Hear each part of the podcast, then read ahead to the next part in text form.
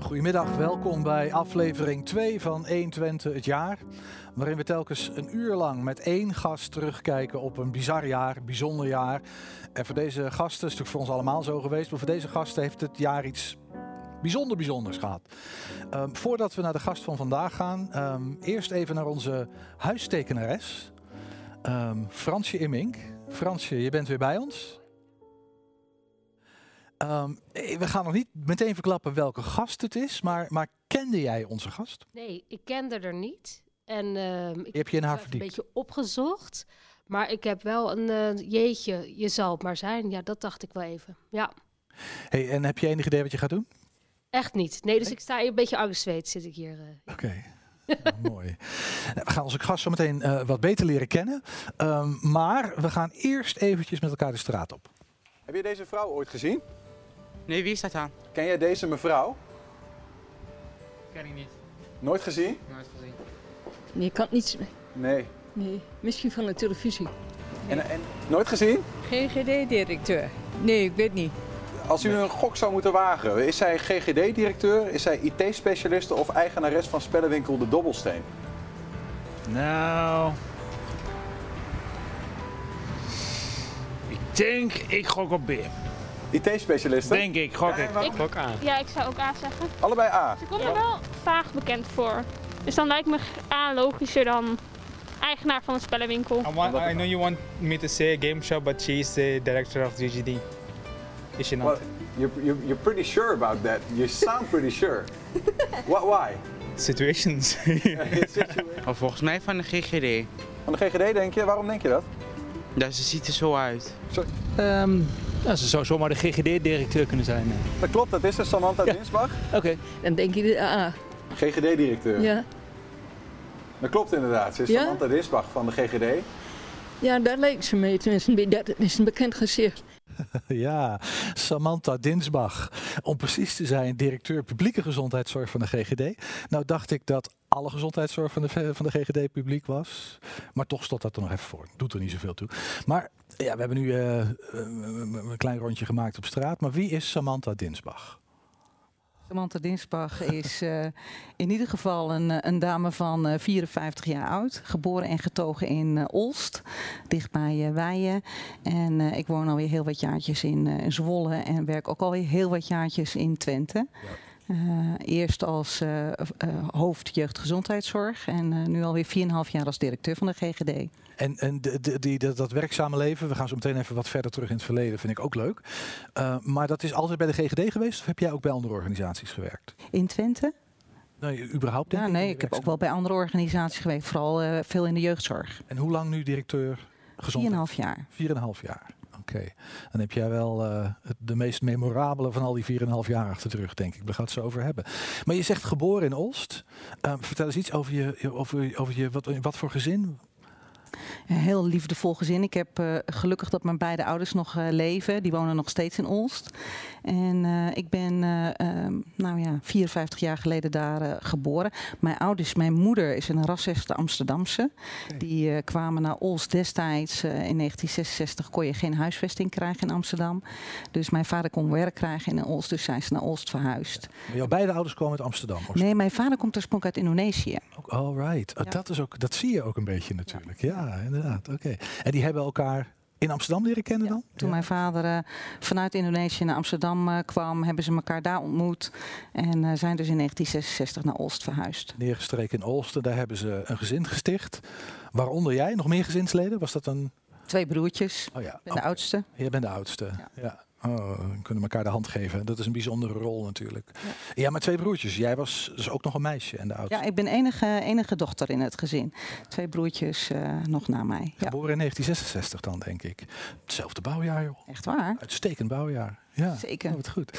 Heel leuk. Hey, en, en, eh, maar dan groei je op als meisje in Olst. Dat is eh, ontzettend pittoresk en leuk dorpje. In, in een van de mooiste streken van Nederland, wat mij betreft. Die IJsseldelta is prachtig. Ehm, was het vanzelfsprekend dat jij als meisje een carrière ging najagen, zou ik maar even zeggen? Of is dat eh, min of meer per ongeluk gegaan? Zal ik Ja, dat is eigenlijk wel min of meer per ongeluk eh, gegaan. Sterker nog, eh, ik zat op een katholieke basisschool en op een gegeven moment moest ik de CITO-toets doen. En toen had de schoolmeester tegen mijn moeder gezegd, doe dan maar naar de MAVO. Maar ik had voor HAVO-VWO getest. En toen zei mijn moeder, nou, ik dacht het niet. Ze gaan gewoon naar de HAVO-VWO. En uh, zodoende kwam ik in Deventer op het uh, middelbare, middelbare school terecht. Op het fietsje over de dijk. Op het fietsje.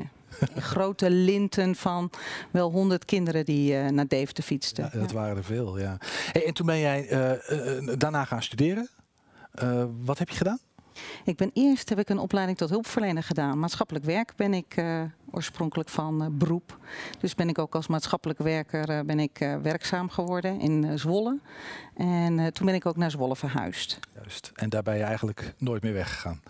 Nee, dat zou je wel kunnen stellen, ja. ja. Maar daar woon ik nog steeds. Ja. Hey, en en um, hoe ben je bij de GGD terechtgekomen? Wat, wat is daar, wat is, hoe is de route geweest? Gewoon even zo globaal overzicht. Nou ja, ik ben dus als hulpverlener begonnen. En vervolgens uh, ben ik, uh, heb ik ook nog bij de Raad voor de Kinderbescherming gewerkt en in de jeugdzorg gewerkt. En ben ik daar gaan doorstuderen. En toen heb ik bestuurs- en organisatiewetenschappen gestudeerd. En toen ben ik leidinggevende geworden. En uh, nou, via de jeugdzorg terecht ben ik terechtgekomen bij de GGD. Ja. Mooie club, die GGD? Hele mooie ja, club. Dit is ja. bijna een fout. Want je kan niet zeggen van nee, dat is helemaal geen mooie club. Maar, maar waarom? Nou, waarom ik oorspronkelijk naar de GGD wilde, omdat ik natuurlijk in de jeugdzorg had uh, gewerkt, um, zag ik dat kinderen problemen hadden en ouders problemen hadden. En ik wilde heel graag preventieve dingen doen. En dat kan bij de GGD, dat kan bij de jeugdgezondheidszorg. Ja. Dus ik wilde graag aan de voorkant terechtkomen en niet alleen maar aan de achterkant. Nee, maar goed, nou zit jij in een positie waarin je nou niet direct hands-on met mensen bezig bent. Ja, wel met mensen, maar met medewerkers, maar niet met ouders met problemen, zal ik maar even zeggen, toch? Nee, dat klopt. Dat klopt. Uh, en hoe, hoe is dat gegaan? Nou ja, um, uh, als, als leidinggevende zorg je natuurlijk dat mensen goed hun werk kunnen doen. En heb je ook wel, tenminste, ik heb wel een zeker idealisme waarom ik het doe. En ik wil het uiteindelijk, ben ik een mensenmens en wil ik het heel graag goed doen voor mensen. En uh, als ik daar andere mensen in kan faciliteren en ook een beetje kan bedenken van, nou, hoe moeten we het doen met elkaar, dan, uh, dan ben ik op mijn best. Ja, precies. En als jij dat idealisme zou, uh, zou moeten duiden, wat voor idealisme is dat dan? Eigenlijk is mijn idealisme dat ik uh, voor iedereen gun dat ze op een, uh, op een mooie manier, voor hun mooie manier, en dat kan voor iedereen verschillend zijn, echt kan meedoen in de samenleving. Dat niemand buiten boord valt. Maar dat dan is had jij op tig plekken terecht kunnen komen natuurlijk. En jij zit in, uh, toch aan de kant van de gezondheidszorg, preventieve kant. Uh, was iets anders ook denkbaar geweest vanuit dat idealisme? Of is die gezondheidszorg wel heel erg logisch ook? Voor mij is het wel heel logisch geweest dat ik uiteindelijk in de preventie uh, terecht ben gekomen. Omdat uh, volgens mij uh, welzijn, welbevinden en gezondheid is super belangrijk om te kunnen blijven meedoen in de samenleving. Dus voor mij is het uiteindelijk wel heel erg logische stap geweest dat ik ja, preventief werk ben gaan doen. Ik gewoon even voor mijn beeld ook. Hè. Schets eens even kort een beeld van die GGD. Hoe groot is die club? En jij bent één van een aantal directeuren, stel ik mij voor, of niet? Nee, ik ben de enige directeur, maar er zijn natuurlijk wel meerdere leidinggevende werken bij de GGD. Maar op dit moment, samen met de corona-afdeling, werken er zo'n 700 mensen bij de GGD in Twente. Ja. 700 mensen? Ja. Dat is echt een grote club. Ja. We praten zo meteen even verder, ook over je idealisme en, en persoonlijke dingen, maar ook andere dingen. We gaan eerst even naar, um, uh, ja, naar onze huispianist. Huispianist. Ja, ik ben nog steeds heel blij met die titel. dat dat op mijn cv. Ja, voor je het weet uh, zit je er voor jaren aan vast, vriend. Uh, maar blij dat je er blij mee bent. Hey, um, jij, hebt, uh, jij, gaat iets spelen? Ik, dat, dat, dat, heb je goed. Dat heb je goed. Ik ga iets spelen. Um, we hebben, we hebben allemaal een, een, een achtbaan van een jaar achter de rug, kan ik wel zeggen. En ik denk dat dat voor Samantha zeker wel geldt. En dit volgende lied, het genaamd Pennies from Heaven, is een, vind ik, redelijk schattig lied ook wel. Dat we meerdere malen een hart onder de riem heeft weten te steken. A long time ago, about a million years BC, the best things in life were absolutely free. But no one appreciated a sky that was always blue, and no one congratulated a moon that was always new.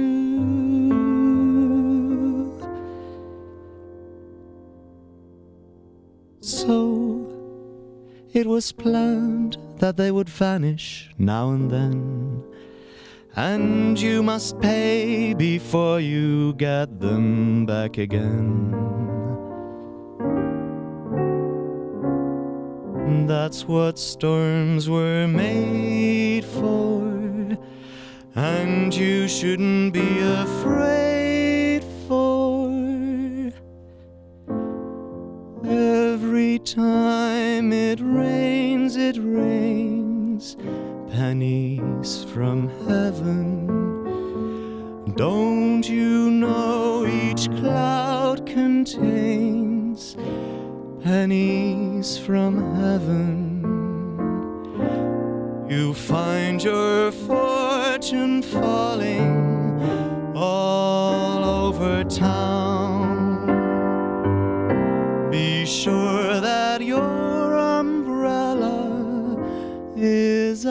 Upside down.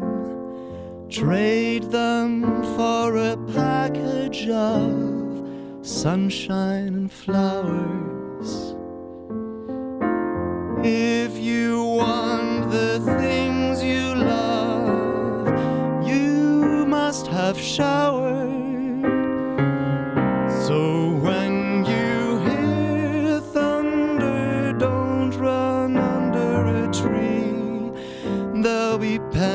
From heaven for you and me.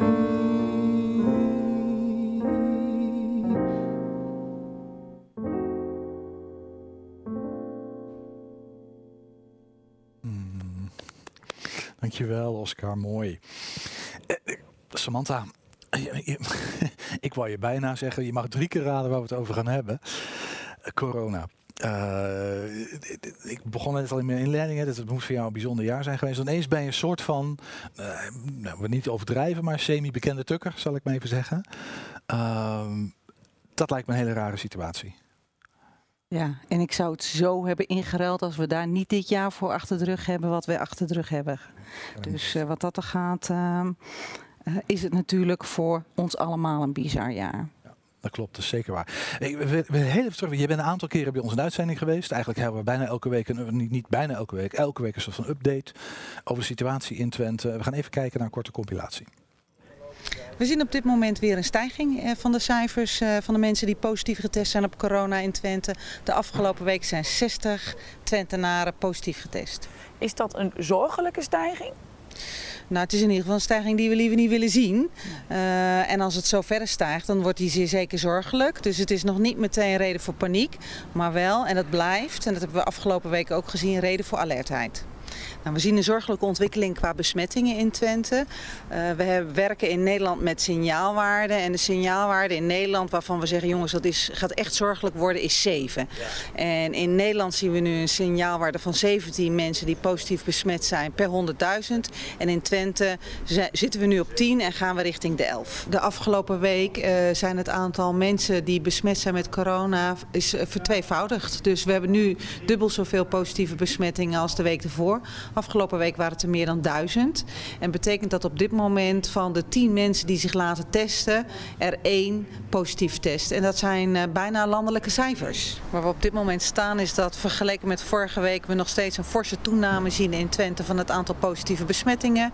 En vorige week hadden we ruim duizend uh, positieve besmettingen in uh, Twente. En vandaag, afgelopen week, zijn het al meer dan 1500 positieve besmettingen in Twente. En dat maakt ons natuurlijk nog steeds heel erg zorg. We zijn uh, afgelopen week hebben we een dalende lijn gezien qua positieve besmettingen in Twente. Dat willen we natuurlijk ook heel graag zien. Dat betekent dat we 38% minder besmettingen hebben in Twente vergeleken met de week ervoor. Afgelopen week zijn er 2020 besmettingen geweest ten opzichte van zo'n 3800 in die week ervoor. Oké, dus maar dat betekent dat we nog steeds in de situatie zeer ernstig in Twente staan. Jazeker, want we zijn wel aan het dalen, maar we zitten nog bij de top 4 van uh, de meeste regio's die het zwaarste besmettingsgraad hebben. Dus uh, wat dat er gaat staan we nog echt uh, niet aan de goede kant en hebben we nog een hele lange weg te gaan. Ja, ik doe het inmiddels wekelijks hè, om ja. te vertellen welke cijfers we in Twente hebben. En ik heb helaas geen goed nieuws, want de afgelopen week hebben we 1705 95 uh, nieuwe positieve besmettingen in Twente. En dat is eigenlijk een hele lichte stijging van 0,7 procent. En dat is niet wat we willen zien, want we willen graag een daling zien. En die daling is er niet. Het is eigenlijk een soort van nou ja, deze lichte stijging zou ik zeggen een plateau waar we op zitten. Terwijl we toch echt verder naar beneden moeten. Dus uh, helaas. Ja, Samantha. Hoe is dat om jezelf zo terug te zien? Ja, raar. Ja raar. En um, het roept ook iets op van uh, goh, waar, uh, waar we vandaan komen. Hè. Het eerste filmpje ging het over uh, 60 positieve besmettingen in een week. En we hebben de afgelopen week 2500. Dus het is echt heel, heel bizar. Ja. ja. En het, en het wordt ook niet minder, hè? Bedoel, nee, op het moment niet. Nee. nee. nee. Het is niet voor niks dat we nu natuurlijk in een lockdown zitten. Maar we hebben op dit moment zijn de cijfers niet goed. En staan we als Twente weer in de top 3 van Nederland. Hey, hoe, hoe is dat? Want dan treed je aan, je zegt 4,5 jaar directeur bij de GGD. Dit zie je niet aankomen. Zo'n corona-ding, totaal onverwacht. Niemand weet wat het is. En jij moet elke week uh, iets vertellen aan het publiek. Dat is een rol waar jij niet voor doorgeleerd hebt, kan ik me voorstellen. Nee, dat is geen rol waar je voor geleerd hebt. En wat we ook niet hebben zien aankomen, eigenlijk niemand hè, in Nederland. Um, we waren natuurlijk ons wel aan het voorbereiden als GGD. We wisten dat er iets in China was. Um, Gaat dat, zo'n voorbereiding? Wat moet ik me daarbij voorstellen? Nou ja, je krijgt in eerste instantie... We hebben natuurlijk binnen de GGD hebben we een team infectieziekten. En daar zitten verpleegkundigen en artsen. En om je een beeld te schetsen, daar werkten voor corona tien mensen gewoon dagdagelijks om infectieziekten, ook legionella of andere zaken uh, te monitoren en in actie te komen als dat zich voordoet. En toen kwam corona. En toen kwam corona en nu werken daar dus op diezelfde afdeling 300 mensen. Zo. Dus dat, is, dat, is, dat hadden wij van tevoren niet zien aankomen, maar dat kan je ook niet bedenken wat er dan op je afkomt. Maar, hoe, maar nee, dat snap ik. Maar dus dat betekent een soort van voortdurend, weet ik niet, improviseren of wat doe je dan? Hoe werkt zoiets? Ja, dit was ook improviseren. Wat we wel hadden gedaan en wat ook normaal is, is dat we ons prepareren op rampen en, uh, en crisissen eigenlijk. Dus deze, uh, een pandemie hadden wij wel vorig jaar nog geoefend. Een week lang. Met allemaal partners, uh, inclusief ook pers. Dan oefen je alles door. En in dat geval was het een hele ernstige griep. Dit toen dit begon, en ik weet nog goed, er waren ook mensen in het begin die dachten: ja, er is wat in China, het is een soort griepje. En uh, langzamerhand komen er nieuwe geluiden. Nou, het kon wel eens wat anders zijn als een griepje. Dus dan gaan wij, gaan mijn mensen, gaan zich al voorbereiden over wat kan er gebeuren, hoe moeten we ons voorbereiden. Waren we ook met de veiligheidsregio al in gesprek. Dus je doet van alles om te kijken van, nou, hoe kunnen we ons op prepareren. En we hadden afgesproken dat op het moment dat de eerste positieve besmetting in Twente er zou zijn, dat we dan uh, ook als veiligheidsregio bij elkaar zouden komen. Dus op die manier ga je je erop voorbereiden. Maar dat dit erachter weg zou komen en zo lang, dat, nou, dat heb ik echt niet bedacht. En als je nou kijkt, ben ik even nieuwsgierig naar. Als je nou kijkt naar die uh, vorig jaar nog geoefend, zei je. Uh, de oefening van vorig jaar in vergelijking met de realiteit van het afgelopen jaar verhonderdvoudigd qua zwaarte. Dat was wel een oefening waarin we probeerden uh, te simuleren dat er ziekte zou zijn bij personeel, dat er onrust zou zijn in de samenleving. Dus daar uh, prepareer je wel op, maar dat we zo lang uh, zoveel mensen ziek zouden krijgen en de zorg zo structureel overbelast zou worden, dat hebben we echt niet op die manier zien aankomen en ook niet geoefend. Hey, en dat vraag ik me ook af. Hè. Dat, uh, sowieso in de hele landelijke aanpak, maar natuurlijk dan ook regionaal. Daar heb, heb jij met je neus bovenop gezeten. Um, dan is er eigenlijk, eigenlijk gebeurt er iets waar niemand eigenlijk iets van weet. Hè. De, totaal nieuw. En toch moet je elke week, en eigenlijk bij voortduring, een soort van koers uitzetten. En ook een soort van stabiliteit zijn. Dat lijkt me een heel ingewikkelde, rare spagaat. Hoe, hoe, hoe ga je daarmee om? Ja, wat het lastige in dit geval was, was dat we eigenlijk heel veel niet wisten van dit virus. Dus daar moet je je eigenlijk al constant op aanpassen. En je wil ook niet in Twente iets anders doen wat in andere delen van het land anders gebeurt. Dus je er probeert momenten geweest dat je dacht, hmm, ik zou eigenlijk liever nu iets anders gezegd hebben, maar toch maar voor de stabiliteit en de duidelijkheid heb ik dat niet gedaan. Nee, nee. Ik heb niet echt een moment gehad van uh, nou heb ik zin om. Uh, nou ja, misschien dat ik nog wel eens um, uh, dat ik wel eens een moment heb gehad dat ik dacht, hoe moet ik nou duidelijk maken voor mensen, voor inwoners in Twente, hoe ernstig dit is.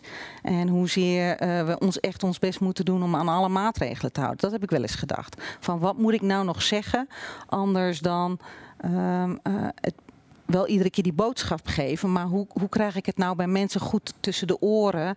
Dat eh, ook nu weer met de kerst voor de boeg, waar het ongelooflijk ingewikkeld is dat we het niet kunnen vieren zoals we het anders ook doen. Hoe krijg ik het nou bij mensen eh, op het netvlies dat het echt heel ernstig is?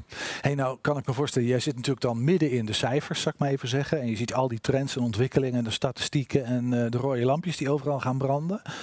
Dat geldt natuurlijk voor simpele zielen zoals ik niet.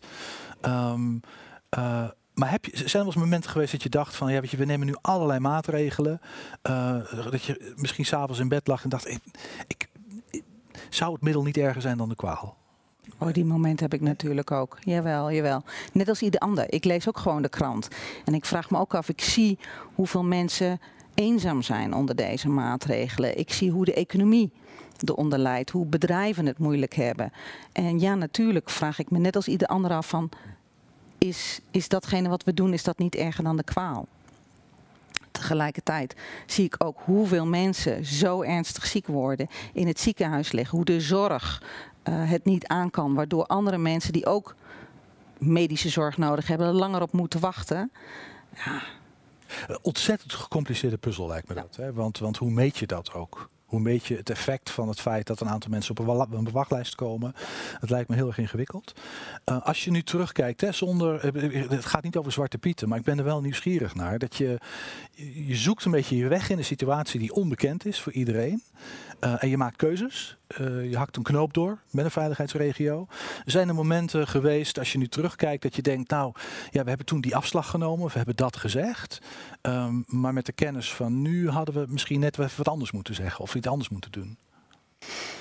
Nee, niet als het gaat om onze boodschap naar, eh, naar de mensen in Nederland of de mensen in Twente. Ehm, ik denk wel dat we in het begin, met name als het ging om medische beschermingsmiddelen, dat we veel meer op voorraad hadden moeten hebben. Er zijn mensen in de zorg die onbeschermd hun werk hebben moeten doen. Daarvan denk ik nu wel, dat hadden we, dat hadden we van tevoren beter moeten inschatten. Hey, er is natuurlijk op een gegeven moment even eh, een, een, een, ander onderwerp. In, in, in het afgelopen jaar ehm, ging het over testen. eh, en, en het liefst veel testen. eh, bedrijven die half stil vielen. En toen kwamen de commerciële jongens en die dachten van... Goh, wij, wij hebben daar wel wat op- oplossingen voor. En daar was de GGD aanvankelijk niet zo heel blij mee. Ehm, eh, en ik heb, me ik heb wel afgevraagd van... Wat was nou eigenlijk precies het probleem? Even los van die niet gevalideerde testen. Ehm, was dat echt het belangrijkste probleem? Dat was het belangrijkste probleem. Het waren geen betrouwbare testen, of althans op dat moment nog niet als betrouwbaar geacht. En dat was ook de moeite. Kijk, nu zijn er heel veel commerciële in Twente die gevalideerde testen aanbieden met medisch toezicht. Hartstikke goed. Geen enkel probleem. En er is nog een moment geweest dat, we, dat ik voorzichtig was, want er waren ook commerciële die dezelfde test aanboden als die wij aanboden. Maar we hadden te, te weinig labcapaciteit in Nederland. En dat drukte voor een deel de capaciteit van de GGD'en weg. En dat was ook wel zo'n moment dat ik dacht, ja, weet je, dan moeten en mensen ervoor betalen om bijvoorbeeld wat sneller de uitslag te krijgen. Maar dan kunnen mensen die er niet voor betalen, moeten daardoor langer wachten. Ook dat was een moment waarop ik dacht, nou, daar vind ik wel wat van. Ja. En hoe is het goed gekomen? Want uiteindelijk is er wel een soort van goede samenwerking volgens mij tot stand gekomen. In belangrijke mate in ieder geval. Eh, hoe is dat proces verlopen? Kan je daar iets over zeggen? Ja, nou het belangrijkste is voor wat betreft die labcapaciteit dat die ontzettend verhoogd is in, eh, in Nederland. En als het gaat over de samenwerking met de commerciële, eh, inmiddels zijn een aantal van die testen zijn gevalideerd, dus betrouwbaar. En we hebben afspraken dat als er dan vervolgens ook nog medisch toezicht is, dat zij ook al die mensen die positief testen bij ons melden en die krijgen dan ook bron- en contactonderzoek. Ja. Hey, nog één vraagje. Nou eh, zijn we allemaal in afwachting van een vaccin. Eh, we gaan straks wel even wat verder daarover praten. Maar dat roept ook allerlei vragen op natuurlijk. Hè? Eh, het, het belang van een snel vaccin voor enorme grote groepen mensen is natuurlijk enorm. Dus daar ha- hangen hele grote belangen samen. Ehm, is dat niet een bepaald risico? Ik vraag me dat wel eens af. Van hoe kan je een vaccin ontwikkelen in zo'n snel tempo voor zoveel mensen? Hoe veilig is dat? Nou ben ik geen viroloog en ook geen eh, wetenschapper die aan de bron staat van dat soort ontwikkelingen. Maar wat ik heb begrepen is dat het wel heel verantwoord is. En net in de auto hierheen hoorde ik ook dat het eh, inmiddels goedgekeurd is. Het eerste vaccin op Pfizer-BioNTech. Oké, en wanneer gaan we vac- vaccineren? Wanneer gaat het? 8 januari de eerste in Nederland. Eerst, Ja. ook hier in Twente. Nee, in Twente zal het een weekje later zijn. Oké, en, en wie mogen dan als eerst? De mensen die de zorg verlenen, het zorgpersoneel. Oké. Praten zo even verder. En we gaan eerst eventjes richting eh, Oscar, want die heeft volgens mij uit zijn duim nu een liedje gezogen voor je. Uit mijn duim heb ik een nieuw liedje gezogen. En een beetje gebaseerd op, eh, wederom gebaseerd op het, eh, op het afgelopen jaar. We zijn gegaan van geen maatregelen naar van het is ver weg in China.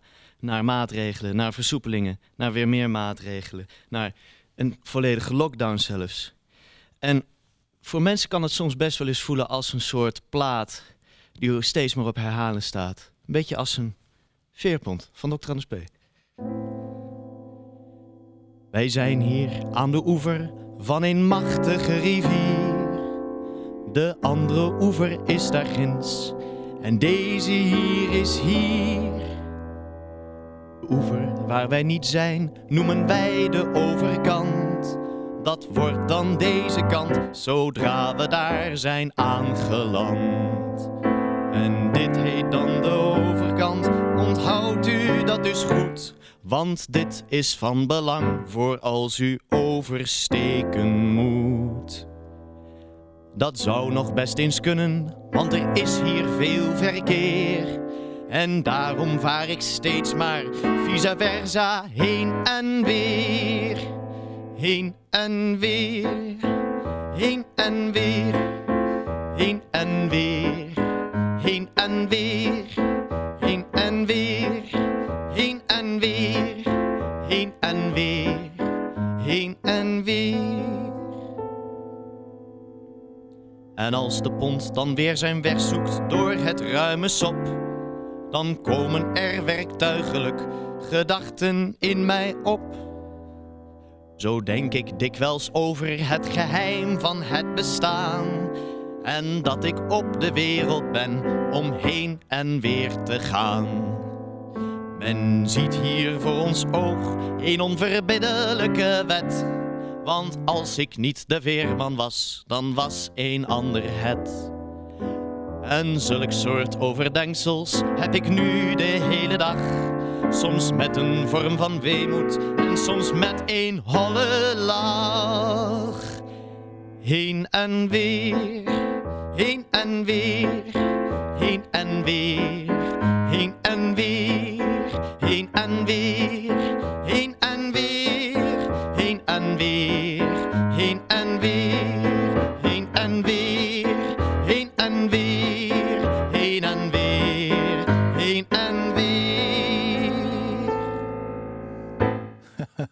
Dankjewel, heen en weer van Dr. Anders O. In dit geval heen en weer.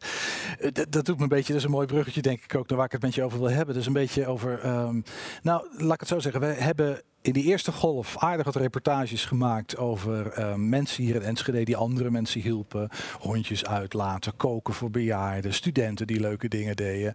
Een soort van sfeer van saamhorigheid. Eh, dat beeld is natuurlijk volslagen gekenterd. Ehm, dat is, was misschien te verwachten ook. Maar er is best veel kritiek op de coronamaatregelen, alles wat ermee samenhangt. Daar moet jij heel veel mee te maken hebben. Ehm, en ik vraag me af, word je daar niet moedeloos van, ook zo langzamerhand? Nou ja, moedeloos is denk ik niet het goede woord. Ehm, wat ik denk wat voor mensen heel moeilijk is, en natuurlijk ook voor mij, is dat het perspectief over wanneer is dit nu eigenlijk achter de rug, dat dat heel, heel lastig is. We weten het niet zo goed wanneer we dit achter de rug hebben. En we hopen natuurlijk dat we de aankomende periode door heel veel mensen te kunnen vaccineren en nog beter grip te hebben op het virus, dat we het eh, er wat onder kunnen gaan houden. Kunnen we dat een beetje snel doen, dat vaccineren? Ik heb geprobeerd eens een rekensommetje te maken, maar als je heel, het heel Nederlands bevolking wil vaccineren, ben je wel even bezig. Ehm, eh, heb je enig beeld hoe lang dat gaat duren voordat we een soort van algehele immuniteit zouden hebben? Nou, wij hopen natuurlijk dat we voor de zomer, daar hoop ik ook op, dat we voor de zomer een heel eind zijn. En het hangt er ook af hoeveel mensen zich durven of willen laten vaccineren. En dat is voor iedereen natuurlijk een eigen eh, afweging. Ehm, ik kan in ieder geval voor mezelf zeggen dat ik me er veilig genoeg bij voel dat als ik eh, aan de beurt ben, dat ik heel snel een, eh, een prik ga halen. Je gaat halen. Ja. Ehm, Maar zou dat ook niet een klein beetje komen, die, die aarzeling en zo, is dat, eh, dat merk ik bij mezelf ook wel eens een beetje, is dat ik in mijn directe eigen omgeving, ik heb er wat van ervaren. We hebben een collega gehad die, eh, die is positief getest. Ehm, eh, de vader van, van een vriendin van mij is eraan overleden. En, maar dat is het ongeveer. Dus ik, er zijn, en ik, ik kom heel veel mensen tegen die zeggen, ja weet je, ik zie al die cijfers wel en ik hoor de geluiden wel, maar ik voel de urgentie niet omdat ik het in mijn onmiddellijke omgeving nauwelijks merk. Is dat een beeld dat jij ook herkent of... Nee, in tegendeel zou ik zeggen. Ehm, het bijzondere is dat in die eerste golf de saamhorigheid heel erg was. Terwijl ik bijvoorbeeld in mijn eigen omgeving op dat moment nog niemand kende die eh, eh, corona had. In die tweede golf heb ik veel meer mensen in mijn omgeving. En daarmee kwam het ook veel dichterbij die eh, corona hadden en kregen. En ook mensen die heel ernstig ziek zijn geworden. Dus. ehm, nou, ik heb eigenlijk andersom het beeld dat juist eh, gaandeweg voor mij ehm, ik, het- de ernst van, van deze ziekte meer en meer ben gaan inzien. Ja, dus niet alleen als functionaris, zal ik maar even zeggen, maar ook gewoon als mens. Precies. Ja, in jouw onmiddellijke omgeving. Hey, en nou duikt er, ja, voor zover ik het nu heb begrepen, ik ben een absolute leek op dit terrein, maar zijn er twee nieuwe virusvarianten die, eh, die opduiken. Eh, dat gaf mij weer opnieuw zo'n gevoel van onzekerheid. Van, eh, ja, we weten eigenlijk niet precies wat voor virusvarianten dit zijn, wat ze doen, hoe het werkt. We gaan toch vaccineren. Ehm, nou ja, een soort van aarzeling. Ik, ik bezit er iets anders in dan jij. Ik weet het eigenlijk nog niet of ik me wil gaan vaccineren, zou ik maar even zeggen. Eh, vanwege de haast en de snelheid en ik weet niet wat het precies doet. Snap je dat soort... ehm, En tegelijkertijd, hoe belangrijk is het dat toch een belangrijk deel van de bevolking zich laat vaccineren? Ja, heel belangrijk, denk ik. Eh, of denk ik niet alleen, dat weet ik ook. Het is ongelooflijk belangrijk om je te beveiligen tegen dit virus. En hoe meer mensen niet ziek worden of veel minder ziek worden door vaccinatie. eh, je doet het niet alleen voor jezelf, maar je doet het ook voor je omgeving. Want je kan het daarmee ook niet eh, aan een ander doorgeven. Ehm, dus het is gewoon heel belangrijk om die samenleving open te kunnen gooien.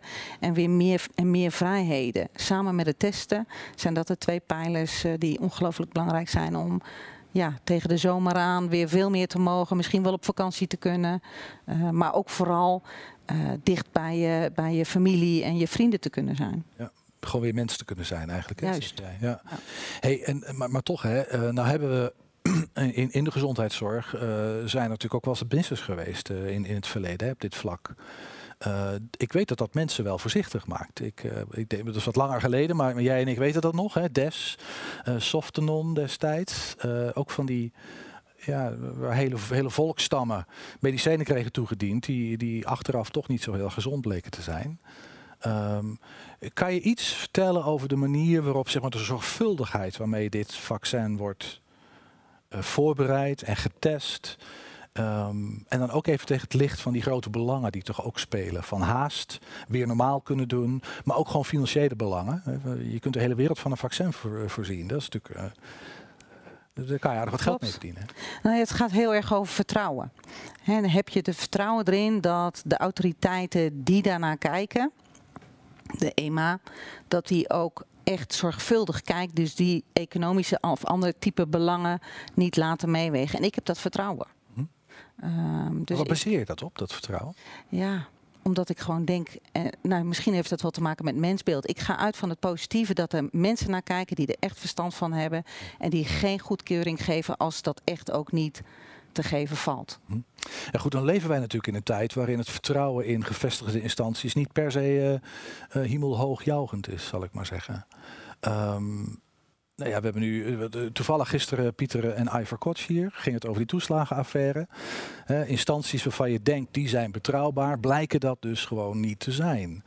Eh, dat maakt natuurlijk ook dat mensen het niet, niet zomaar hun vertrouwen geven, zal ik maar even zeggen. Hoe pareer je zoiets?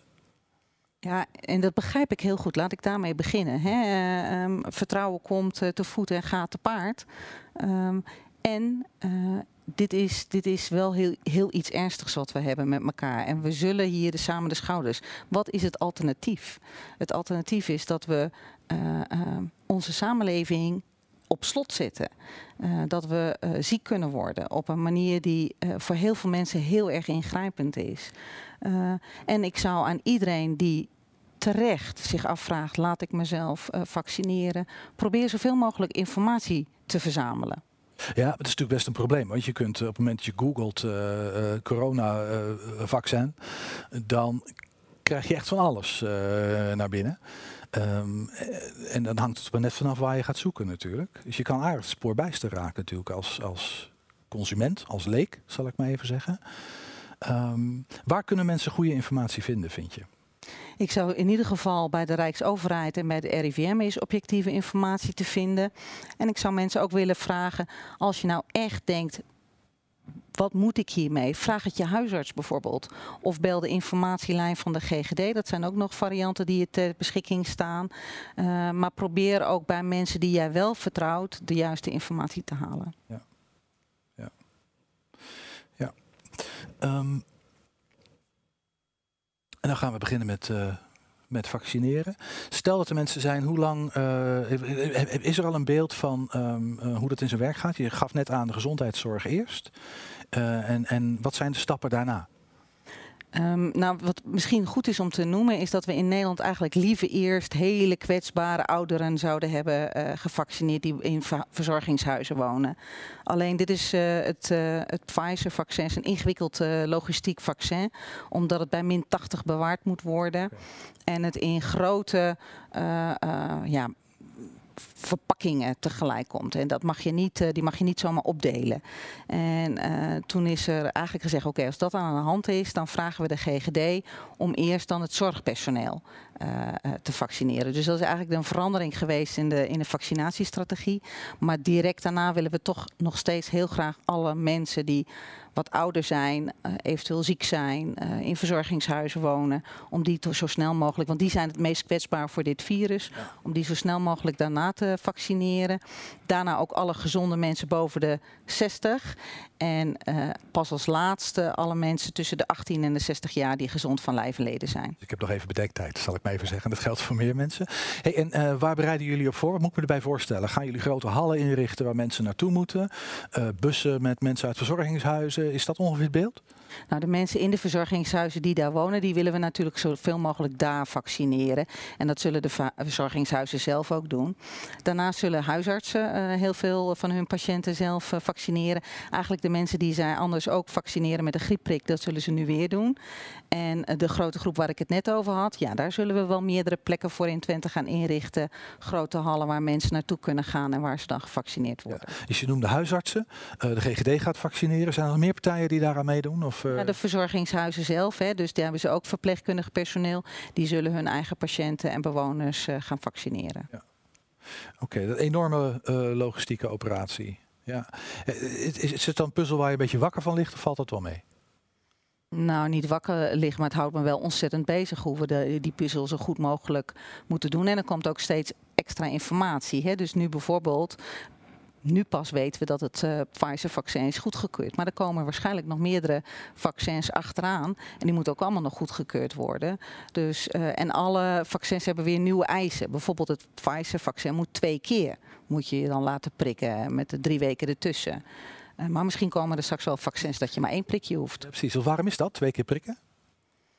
Uh, dan moet ik je het antwoord op schuldig blijven. Volgens mij uh, heeft het te maken met de werking van het vaccin dat je twee keer gevaccineerd moet worden.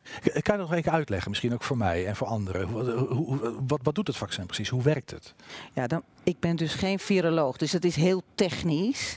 Uh, uh, maar wat ik heb begrepen is dat het vaccin eigenlijk je lichaam aanzet om antistoffen aan te maken. Zoals een vaccin het altijd doet, toch? Ja, maar dit vaccin um, heeft een bepaalde code die je lichaam daartoe aanzet. Terwijl bijvoorbeeld met de griepprik, dan komt er een heel klein beetje van het, van het virus zelf heel verdund wordt ingespoten. En dat is met dit vaccin niet zo. Heb ik me net zo goed laten vertellen. Ja, ja oké. Okay. Dus weten wij ongeveer nu net zoveel, ongeveer ja. evenveel. Ja. Hey, en, en, even nog die, die GGD's, hè, want jij bent van Twente. Hoeveel regio's telt die GGD? 25 zijn er in Nederland, 25 regio's. En een GGD-regio is altijd dezelfde als de veiligheidsregio. Ja, precies. Dus het loopt één op één. En die samenwerking met die veiligheidsregio, die is natuurlijk ongelooflijk intensief geweest de afgelopen periode. Um, is dat goed gelopen of was dat ontzettend zoeken ook nog wel? Nee, dat, is, dat loopt heel goed, omdat we dat dus heel vaak oefenen met elkaar. We kennen elkaar. Ik maak ook deel uit van de veiligheidsregio in mijn functie. Dus um, weet je, dit doe je samen. Dit kan je alleen maar, zo'n grote opgave, zo'n grote crisis kun je alleen maar doen uh, als je dat samen doet. En we kennen elkaar al. En dat scheelt een hoop. Je hoeft niet ineens te beginnen met, met wie heb ik nou eigenlijk te maken. Hier prepareer je op, hier oefen je voor. En uh, dus dat, dat loopt eigenlijk meteen uh, heel gesmeerd. Echt gewoon heel gesmeerd? Ja. Geen, uh, geen de grote discussies, ruzie in de tent om welke Helemaal niet. Nee, niet. nee, nee. Oké. Okay. Uh, als je nu terugkijkt over dat afgelopen jaar, uh, talloze overleggen, uh, veel cijfers gepasseerd. Ehm, wat zijn nou, of wat is nou een moment waarvan je zegt, weet je, dat, dat, dat zal ik nooit meer vergeten. Dat, ehm, dat blijft me bij. Nou ja, het eerste, de eerste wat me echt bijblijft is natuurlijk de eerste persoon die positief besmet was in Borne. Waar was jij op het moment dat het gebeurde, dat je dat hoorde? Oh, dat is een goede vraag. Uh, volgens mij kreeg ik een, uh, een telefoontje van een van mijn infectieziekten. Was ik thuis. Ja. Want je zag het aankomen, hè? Ah, ja, we waren ons ja, al aan het voorbereiden. Het zou gebeuren. Vraag was wanneer. En wat, wat? En dan? Dan sta je ineens aan en full alert. En oké okay, jongens, het gaat beginnen. We moeten er tegenaan. Ja, en kwamen we dus als veiligheidsregio ook als voor het eerst bij elkaar. En hebben we toen ook gezegd dat het vanaf dat moment een crisissituatie is. Dus dat betekent eigenlijk dat je reguliere organisatie omklapt naar een crisisorganisatie. Gebeurt er dan? Nou ja, in, in ons geval werden sommige uh, uh, hulpverleningsprocessen werden stopgezet om te kunnen helpen om de crisis uh, te bedwingen. En als er razende nieuwe mensen aannemen? Nou, dat was eigenlijk pas later. Oké. Okay. Ja, dat was niet meteen het eerste waar we mee bezig waren. En straks als corona voorbij is? Dan ga ik me denk ik vervelen. Nee hoor. Weet je het zeker van niet? Nee hoor, nee hoor. Er blijft altijd genoeg uh, te doen. En ik denk ook dat we... Uh, um, wat ik denk wat, wat goed zou zijn, is dat we ons wat meer beseffen dat gezondheid niet vanzelfsprekend is. En gezondheid is meer als alleen maar gezond van lijf en, uh, en leden, is ook gezond tussen de oren. En ik hoop eigenlijk dat we daarna onze energie erop kunnen zetten. Dus hoe kunnen we nou zo gezond mogelijk en ons welbevinden zo hoog mogelijk kunnen houden? Ja. Ja, dankjewel. We gaan uh, even een kleine switch maken. Uh, en misschien is het leukste om daarbij even te beginnen bij een videootje. Ja, als er één iemand is geweest uh, die er uh, voor mij in de afgelopen jaar met kop en schouders bovenuit heeft gestoken, dan was het Samantha Dinsbach, de directeur van de GGD Twente. Ook de directeur publieke gezondheid, wat een hele belangrijke titel is in de aanpak van die coronacrisis. Um, met wie ik het afgelopen jaar samen met mijn 13 collega's ongelooflijk plezierig heb samengewerkt. Um, een deskundig iemand, iemand die zeer betrokken is bij de enorme opgave die, die we met elkaar hebben en die ook HGGD heeft bij het aanpak van die, van die coronabesmettingen in het land en in de regio. Uh, iemand uh, die altijd beschikbaar is, die, uh, bij wie je eigenlijk ook nooit misvraagt. Ze heeft altijd antwoorden en ze is heel erg goed doordrongen ja, van de maatschappelijke impact ook van corona. En van wat corona betekent voor het werk van burgemeesters. Voor wat het werk betekent voor het werk in de, in de gemeente die we met elkaar hier in Twente hebben. Ja, en bovenal, uh, het is een heel erg plezierig mens. Uh, altijd goed lachs, altijd goed geluimd. Uh, en dat maakt het, ja, het werken met zo iemand tot, een, tot een heel groot plezier. Samantha, dankjewel voor wat je het afgelopen jaren in onze samenwerking hebt betekend. ik hoop dat corona heel snel het land uit is. Maar de manier waarop we hebben samengewerkt geeft heel veel vertrouwen in wat we samen nog met elkaar moeten doen. Nou, die kan je in je zak steken, volgens mij. Hè? Dit was uh, Arjen Gerrits uh, voor, uh, voor kijkers en luisteraars. vooral kijkers ga, ik, daar ga ik vanuit. de burgemeester van Almelo, met wie je natuurlijk nauw hebt samengewerkt. zoals met al die burgemeesters in, in deze veiligheidsregio. Um, je gaf het al een beetje aan. Hè? Um, in zo'n afgelopen jaar, zoals het afgelopen jaar was, ja, moet je elkaar ontzettend vasthouden natuurlijk. Dat geldt in die veiligheidsregio, maar ik denk ook in je eigen organisatie. Um, was dat makkelijk? Eigenlijk, ja, ik vind makkelijk niet helemaal het goede woord. Uh, da daarom is dat ik twijfel. Um, ik moet zeggen, uh, wat burgemeester Gerritsen aangeeft, um, dat, dat doe ik natuurlijk niet alleen. Dat doen we alleen maar samen. En ik heb een ongelooflijk goed team om me heen staan, die uh, me ook half staat, die uh, super loyaal is, die helemaal doordrongen is van het feit dat we een enorme opgave hebben. Um, ik heb altijd ook ongelooflijk veel vertrouwen gevoeld van alle burgemeesters in Twente, maar ook van de collega's in de zorg. Ik heb wekelijks contacten met de, bestuursvoorzitters van de ziekenhuizen, met mensen uit de verzorgingshuizen. Uh, we kennen elkaar voor die tijd al, maar uh, elkaar kunnen verstaan en ook voor elkaar klaarstaan, dat is het halve werk. Dus um, ja, ik vind echt dat we dit uh, samen hebben gedaan en nog steeds samen doen. Ja, je bent nog niet klaar natuurlijk. En dat klinkt een beetje alsof je straks samen met elkaar een groot zomerkamp gaat organiseren. Gewoon, uh, ik, nou, why not, ja. ik kan me voorstellen dat je zo, dat, nou ja, crisis drijft mensen natuurlijk wel naar elkaar. Hè? Ja. En dat is in dit geval dus ook wel een beetje zo. Ja. Ik, ik, zou je kunnen zeggen dat hier misschien wel vriendschappen waar je nog jaren uh, door zijn ontstaan? Of is dat te veel gezegd? Nou, ik vind vriendschappen misschien te veel gezegd. Maar ik denk wel dat je, uh, doordat je elkaar in zo'n crisis hebt gevonden, we wel op andere terreinen in de jaren hierna hier nog misschien juist positieve dingen uit kunt halen. Ja. Dat je elkaar makkelijker weet te vinden. Dat je problemen die er zijn in de samenleving.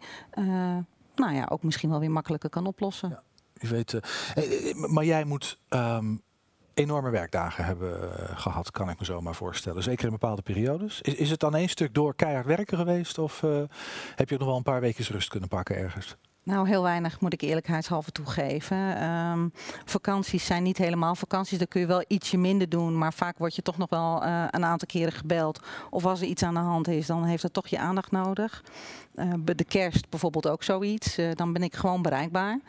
Um, wat ik overigens graag doe. He, um, er zijn heel veel mensen in de zorg die ook wel graag een paar dagen vrij willen hebben. Maar die dan wel schaduwroosters lopen, dan wel gewoon opgeroepen worden om de zorg overeind te houden. Dus dan ben ik met al die mensen die uh, dat dagelijks doen, ben ik dan samen. En ja, natuurlijk zou ik wel ook wel graag een paar dagen helemaal uh, rust willen hebben. Misschien is er wel één of twee dagen dat me dat gegund is. Maar dit is gewoon nog alle, alle hands aan dek. Ja. En, um... en uh, hoe doe je dat thuis? Uh, want je hebt een, een man, je hebt een paar kinderen. hoe oud zijn jouw kinderen? Nou, die zijn 26, stiefzoons, en die zijn inmiddels het huis uit. En uh, die redden zich heel goed. Uh, maar uh, mijn man die heeft me daar wel in gesteund. Die heeft ook wel eens gemopperd, zeg ik heel eerlijk. Dat hij dacht, goh, nou is ze nou alweer druk tot 's avonds laat. Maar goed, ja, dat, dat moet je ook met elkaar kunnen opvangen. Maar er zijn gelukkig ook wel momenten dat ik kan ontspannen. Ik kook bijvoorbeeld ontzettend graag. Dus nou, dan ga ik lekker lopen kokkerellen in de keuken. En dan kan ik echt even mijn, mijn hoofd verzetten. Of een beetje creatief, een beetje tekenen. Gewoon, dan kan ik even mijn, mijn zinnen verzetten. Ja, dus je hebt thuis wel manieren om, uh, om, om nog een beetje tot ontspanning te komen. Hey, en, en voor jou geldt natuurlijk hetzelfde als voor al die andere Nederlanders. Dus dat je, ja, de maatregelen gelden jou natuurlijk net zoals al die anderen. Voel je dan ook een beetje um, extra soort van voorbeeldfunctie? Van ja, weet je, als ik een winkel instap of ik uh, nies een keer, dan moet ik wel heel erg letten op wat ik doe. Ben je daar ontzettend van bewust? Ik kan wel een mooi voorbeeld uh, noemen. Uh, een van de jongens die uh, is afgestudeerd de afgelopen periode hier op de UT. En die wilde zo graag zijn feestje houden. En die had bedacht dat hij misschien ook wel bij ons in de achtertuin, dat was oorspronkelijk de bedoeling, zijn feestje kon, kon houden. En toen heb ik echt gezegd, ja, met alle liefde, ik snap het heel goed, maar het kan echt niet. En al helemaal niet in mijn functie. Ja, precies. Als jij misschien gewoon iets anders een kleuterjuf was geweest, dan was dat makkelijker geworden misschien. Ja, dan had ik het waarschijnlijk ook nee moeten zeggen. Maar dan ben je wel extra bewust van het feit dat je deze functie hebt. Ja. ja wat heb je tegen hem gezegd? Ga ergens een mooi weiland opzoeken of zo? Of hoe, dat hij het moet uitstellen. Ja. Dat heeft, het niet kan. Heeft hij ook gedaan? Ja. ja. Oké. Okay.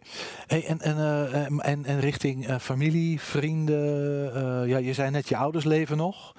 Um, heb je wel contact met hen kunnen hebben of heb je ook een periode afstand moeten? Hoe is dat gegaan? Nou, afstand houden sowieso. En ook niet knuffelen. Misschien mis ik dat wel het meeste, dat je ze niet even kunt vastpakken. Uh, maar ik ben wel uh, bij ze op bezoek blijven gaan.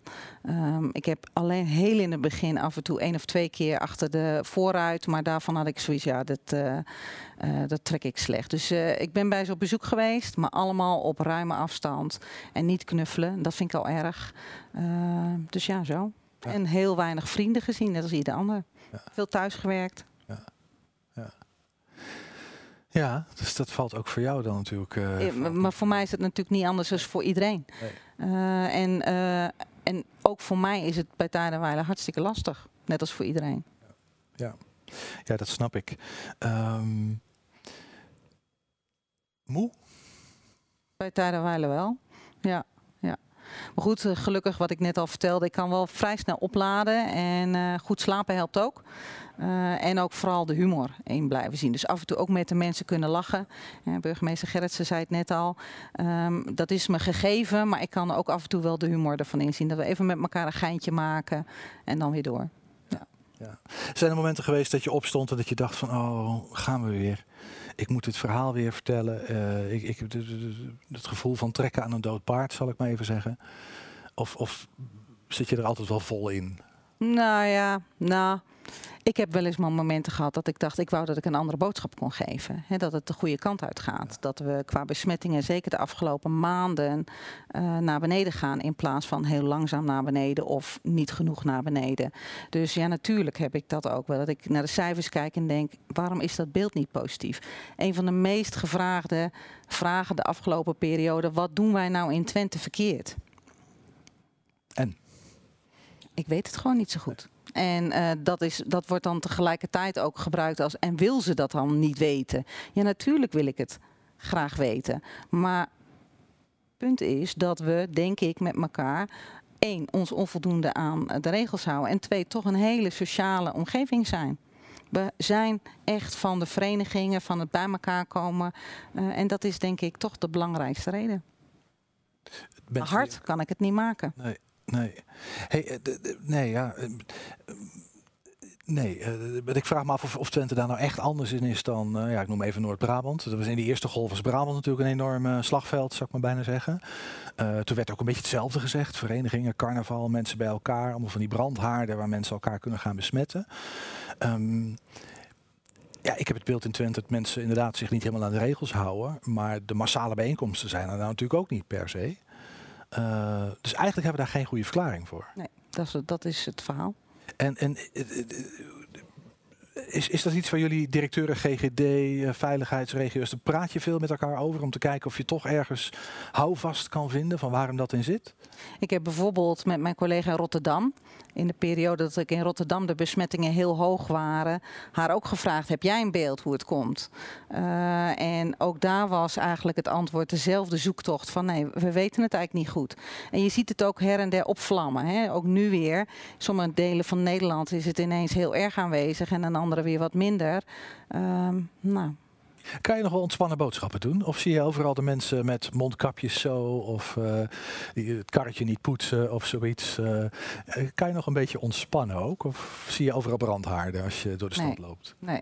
nee, zeker ook niet. Natuurlijk zie ik wel dat, zeker als ik de boodschappen doe, dat het wel lastig is om echt altijd anderhalve meter afstand Niet eh, lastig, te dat houden. is niet te doen. Dat is dus. ehm, dat zie ik wel. En wat ik dan bijvoorbeeld doe, is dat ik s ochtends heel vroeg ga. Dat ik hoop de drukte voorbij eh, te zijn. Eh, of voor te zijn, moet ik eigenlijk zeggen. Eh, maar ik, ben, ik zit qua aard niet in elkaar dat ik een doemdenker ben. Eh, of eh, overal eh, angsten oploop. Eh, gelukkig niet, zou ik zeggen. Misschien niet eens zozeer voor jezelf hoor, maar vanuit, vanuit je, vanuit, ook vanuit je rol hè, als, als directeur publieke gezondheid, zal ik maar even zeggen. Ja, dan bevind je je in de publieke ruimte en dan zie je overal mensen dingen doen die je net niet helemaal horen. Neig je om daar wat van te zeggen? Of, Nee, want dan, dan ben ik vol continu alleen maar 7 keer 24 uur bezig. je kan het knopje wel uitzetten dus. Ja, redelijk. Ja. Ja. Ik heb één keer heb ik een keer wat gezegd bij een supermarkt. En? Ging nou ja, dat? dan zie je dat iemand heel geïrriteerd eh, reageert. eh, eh, ja. Ja, Toen dus dacht je, dat gauw maar heeft niet dat nou zo'n zin? Nee, ja. Ja, ja, ja. Wat, wat, wat, wat zou je, ehm, misschien een beetje tot slot van, van dit blokje. Ehm, ja, we hopen natuurlijk dat het vaccin eraan komt. Maar goed, het duurt nog even voordat we allemaal dan gevaccineerd zijn. Eh, misschien is het vragen naar de bekende weg hoor. Maar ik vraag me af of je misschien iets origineels. Wat, wat zou je nou ons op het hart willen drukken om, om in die periode toch nog te doen? Je bedoelt tot aan, eh, totdat Tot aan- je... Totdat we allemaal die spuit in onze bil hebben gehad. Nou, blijf goed voor jezelf zorgen en zorg dat je je aan de maatregelen houdt. Uh, dat is, uh, en wees een beetje lief voor jezelf. Zoek uh, iets te doen of wat je misschien altijd al had willen doen, wat wel veilig kan. zoek naar je manieren om jezelf te ontspannen. Samen met de mensen die dicht bij je staan, je gezin. en hou vol. Ik kan, er niet, ik kan niet iets heel uh, uh, anders creatiefs verzinnen. We zitten er met elkaar in. We moeten het nog even volhouden. Ik ben er echt van overtuigd dat als we straks veel mensen hebben kunnen vaccineren en bovenop het virus zitten en ons ook laten testen regelmatig, dat, dat er weer heel veel gaat kunnen. Houden jullie rekening met scenario's dat het vaccin minder effectief zal blijken dan dat we nu denken? Of nou. denken we allemaal een soort van massaal denken van vaccin zit erin en dan is het gewoon klaar. Dan kunnen we weer normaal doen. Ik hou rekening mee dat corona de aankomende jaren, net als de griep, niet weg is. Nee, dus dat we elke dus het blijft een factor waar we rekening mee hebben te houden. Met andere woorden, uh, corona is geen griep, hè? Dus wat moeten we daar dan aan doen als samenleving?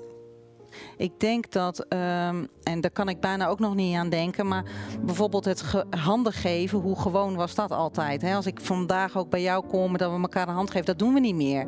Um, ik denk dat die vanzelfsprekendheid uh, nog een hele tijd weg is. Dat we dat misschien heel lang nog niet doen. Denk je dat omdat, omdat we dat beter niet kunnen doen vanuit gezondheidsoverwegingen of omdat we dat ontwend zijn? Nee, ik denk dat we uh, vanuit gezondheidsredenen naar nieuwe manieren moeten gaan waarop we dat begroetingsritueel doen. En dat gaat ons eigenlijk best goed af. Ik mis het al niet meer bijvoorbeeld. Is dat, ik mis het wel, weet je ja, dat? Ik mis wel knuffelen van mijn lieve mensen die om mij heen is. Maar dat ik nu gewoon even jou aankijk en zeg... hé, hey, ik ben Samantha en dat we dan geen hand geven, dat mis ik niet meer. Nee, nee. nee. Nou ja, we gaan het meemaken. We gaan het meemaken. Uh, we gaan heel langzaam richting een, uh, richting een afronding. Um, maar dat doen we niet natuurlijk voordat we bij Fransje zijn geweest. Mevrouw Immink, Hoi, hallo. aan uw rood geblokte tafel. Ja, het lijkt een beetje op een snackbar, hè, hadden we bedacht. Ja. Oliebollen te koop. Ja, dat was het, ja. Maar je hebt geen oliebollen? Nee, ik heb geen oliebollen, maar ik heb wel een tekening gemaakt. Ja, daar is die. Heb je, we hebben hier de tekening. Nou, uh, vertel in ja, Het is uh, vanuit mijn eigen perspectief hè, dat ik het altijd teken. En um, um, ik ben docent op Saxion, dus voor mij is erg veel veranderd ook.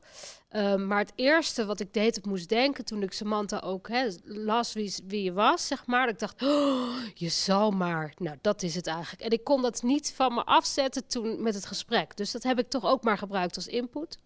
Dus je ziet mijzelf met dromend over Samantha, soort van. Hè? Dus ik heb je getekend. en daarbij staat inderdaad, hè, ik zeur vaak dat mijn werk zo veranderd is. Maar voortaan denk ik dan eerst even aan Samantha Dinsbach. Je zal maar. En daar bedoel ik eigenlijk mee dat ik moet eigenlijk gewoon niet zo zeuren. Dat is het. Wat vind je ervan, Samantha? Wel respect hoor. Voor je. Dankjewel, dat hoor ik ook. Ja, Ken je dit? Als, als, of als jij een tekening zou maken, dan zou jij zoiets uh, voor Fransje tekenen.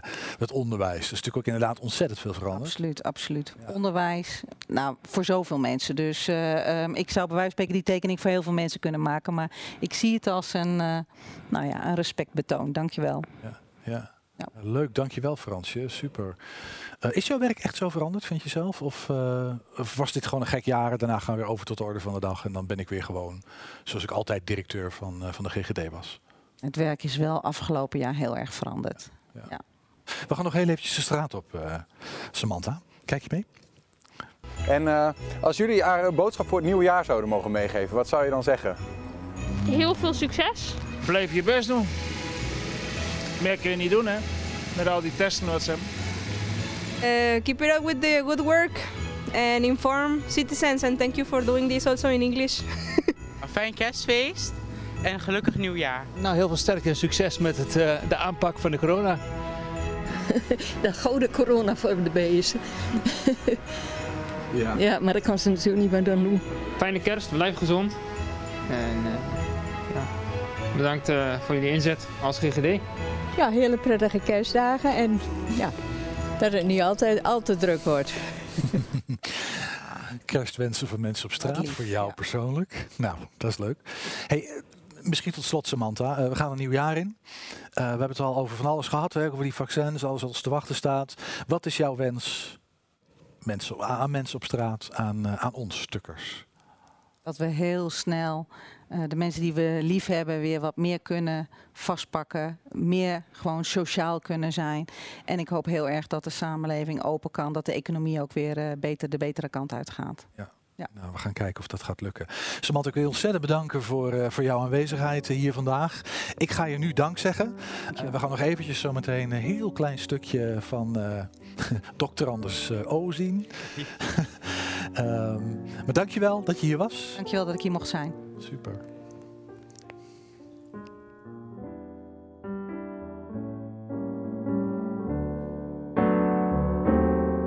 Maar geduld is geboden en geduld is een schone zaak.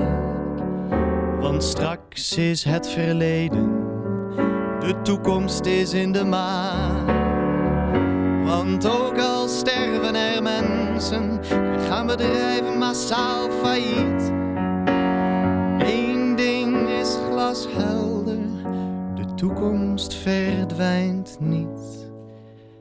Zodra de muziek weer klinkt, de barman weer tapt, het plein weer gevuld is en de kapper weer kapt, dan denkt men terug aan die tijd. Toen met de straten zo leeg, denkt men terug aan die tijd. Toen met de straten zo leeg.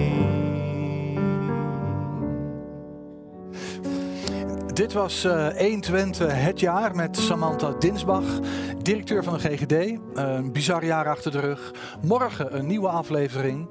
Ehm, dan met... eh, dan, dan met Johan de Jong, directeur van Metropool. Gaan we het ook hebben over zijn jaar. Eh, bedankt voor het kijken. Tot morgen terug te zien op 120.nl.